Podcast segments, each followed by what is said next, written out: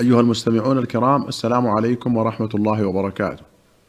كتاب ذكر القرآن العظيم باب فضائل القرآن. أخرج البخاري عن عثمان بن عفان رضي الله عنه أن رسول الله صلى الله عليه وسلم قال: خيركم من تعلم القرآن وعلمه. وأخرج البخاري عن عبد العزيز بن رفيع قال دخلت أنا وشداد بن معقل على ابن عباس فقال له شداد أترك النبي صلى الله عليه وسلم من شيء؟ قال ما ترك من شيء إلا ما بين الدفتين. قال ودخلنا على محمد بن الحنفية فسألناه فقال ما ترك إلا ما بين الدفتين. الدفتان حافة المصحف. وأخرج البخاري عن علقمة بن قيس النخعي قال كنا جلوسا مع ابن مسعود فجاء خباب فقال يا أبا عبد الرحمن أيستطيع هؤلاء الشباب أن يقرأوا كما تقرأ؟ فقال أما إنك إن شئت أمرت بعضهم يقرأ عليك. قال أجل. قال اقرأ يا علقمة. فقال زيد بن حدير أخو زياد بن حدير أتأمر علقمة أن يقرأ وليس باقرأنا فقال أما إنك إن شئت أخبرتك بما قال النبي صلى الله عليه وسلم في قومك وقومه. فقرأت خمسين آية من سورة مريم. فقال عبد الله كيف ترى؟ قال قد أحسن. قال عبد الله ما أقرأ شيئا إلا وهو يقرأه. ثم التفت إلى خباب وعليه خاتم من ذهب. فقال ألم يأن لهذا الخاتم أن يلقى؟ قال أما إنك لن تراه علي بعد اليوم. فألقاه. قال ابن حجر فيه أن بعض الصحابة كان يخفى عليه بعض الأحكام فإذا نبه عليها رجع. وفيه منقبة عظيمة لعلقمة حيث شهد له ابن مسعود أنه مثله في القراءة. وأخرج البخاري ومسلم عن عائشة أن النبي صلى الله عليه وسلم قال مثل الذي يقرأ القرآن وهو حافظ له مع السفرة الكرام البررة. ومثل الذي يقرأ وهو يتعاهده وهو عليه شديد فله أجران. هذه رواية البخاري. ولمسلم قال الماهر بالقرآن مع السفرة الكرام البررة والذي يقرأ القرآن ويتتعتع فيه وهو عليه شاق له أجران. وأخرج البخاري عن أبي هريرة أن رسول الله صلى الله عليه وسلم قال لا حسد وفي رواية لا تحاسد إلا في اثنتين. رجل آتاه وفي رواية علمه الله القرآن فهو يتلوه آناء الليل وآناء النهار فسمعه جار له فقال ليتني أوتيت مثل ما أوتي فلان فعملت مثل ما يعمل. ورجل آتاه الله مالا فهو يهلكه في الحق. فقال رجل ليتني أوتيت مثل ما أوتي فلان فعملت مثل ما يعمل. وأخرج الشيخان عن عبد الله بن مسعود أن رسول الله صلى الله عليه وسلم قال لا حسد إلا في اثنتين. رجل آتاه الله مالا فسلطه على هلكته في الحق ورجل آتاه الله الحكمة فهو يقضي بها ويعلمها. وأخرج عن ابن عمر قال سمعت رسول الله صلى الله عليه وسلم يقول لا حسد إلا على اثنتين. رجل آتاه الله القرآن فقام به آناء الليل وآناء النهار ورجل أعطاه الله مالا فهو ينفقه آناء الليل وآناء النهار. وأخرج مسلم عن عامر بن واثلة أن نافع بن عبد الحارث لقي عمر بعسفان وكان عمر استعمله على أهل مكة. فقال من استعملت على أهل الوادي؟ قال ابن أبزة. قال ومن ابن أبزة؟ قال مولا من موالينا. قال فاستخلفت عليهم مولى قال إنه قارئ لكتاب الله عز وجل وإنه عالم بالفرائض.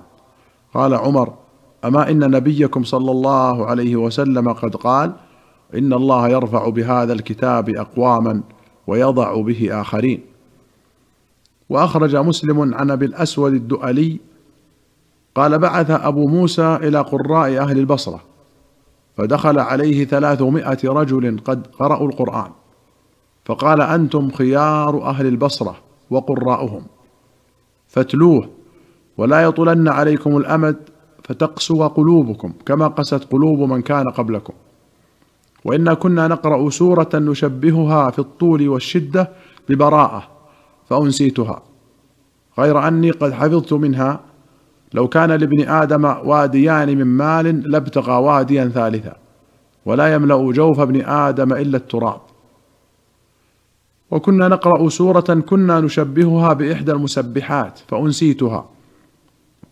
غير أني حفظت منها يا أيها الذين آمنوا لم تقولون ما لا تفعلون؟ فتكتب شهادة في أعناقكم فتسألون عنها يوم القيامة.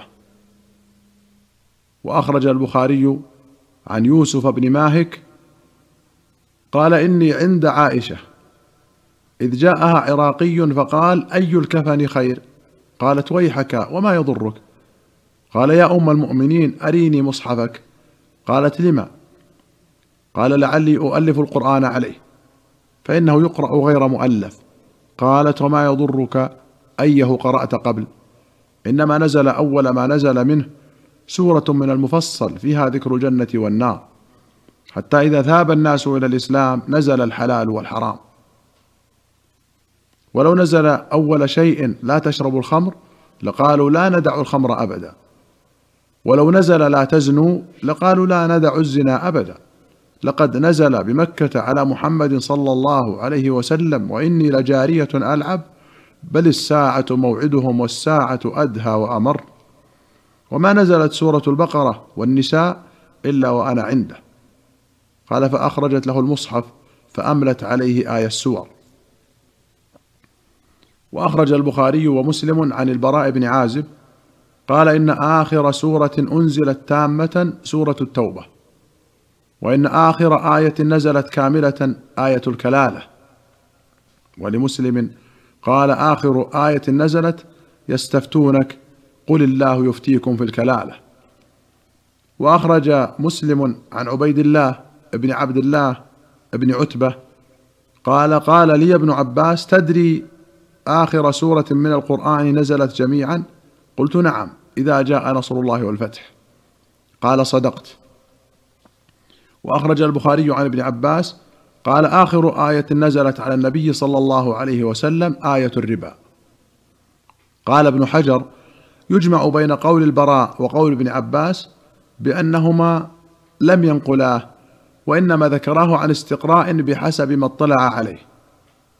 وأولى منه أن يقال المراد أن الآيتين نزلتا جميعا فيصدق أن كلا منهما آخر بالنسبة لما عداهما.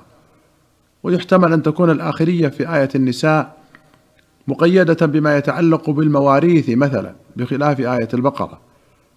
ويحتمل عكسه والأول أرجح. ويجمع بين قوليهما في آخر سورة أن آخرية سورة النصر نزولها كاملة إذ نزلت يوم النحر وهو بمنى في حجة الوداع بخلاف براءة. وقيل في آخرية نزول براءة إن المراد بعضها فقيل هو قوله فإن تابوا وأقاموا الصلاة وقيل قوله لقد جاءكم رسول من أنفسكم. والله أعلم.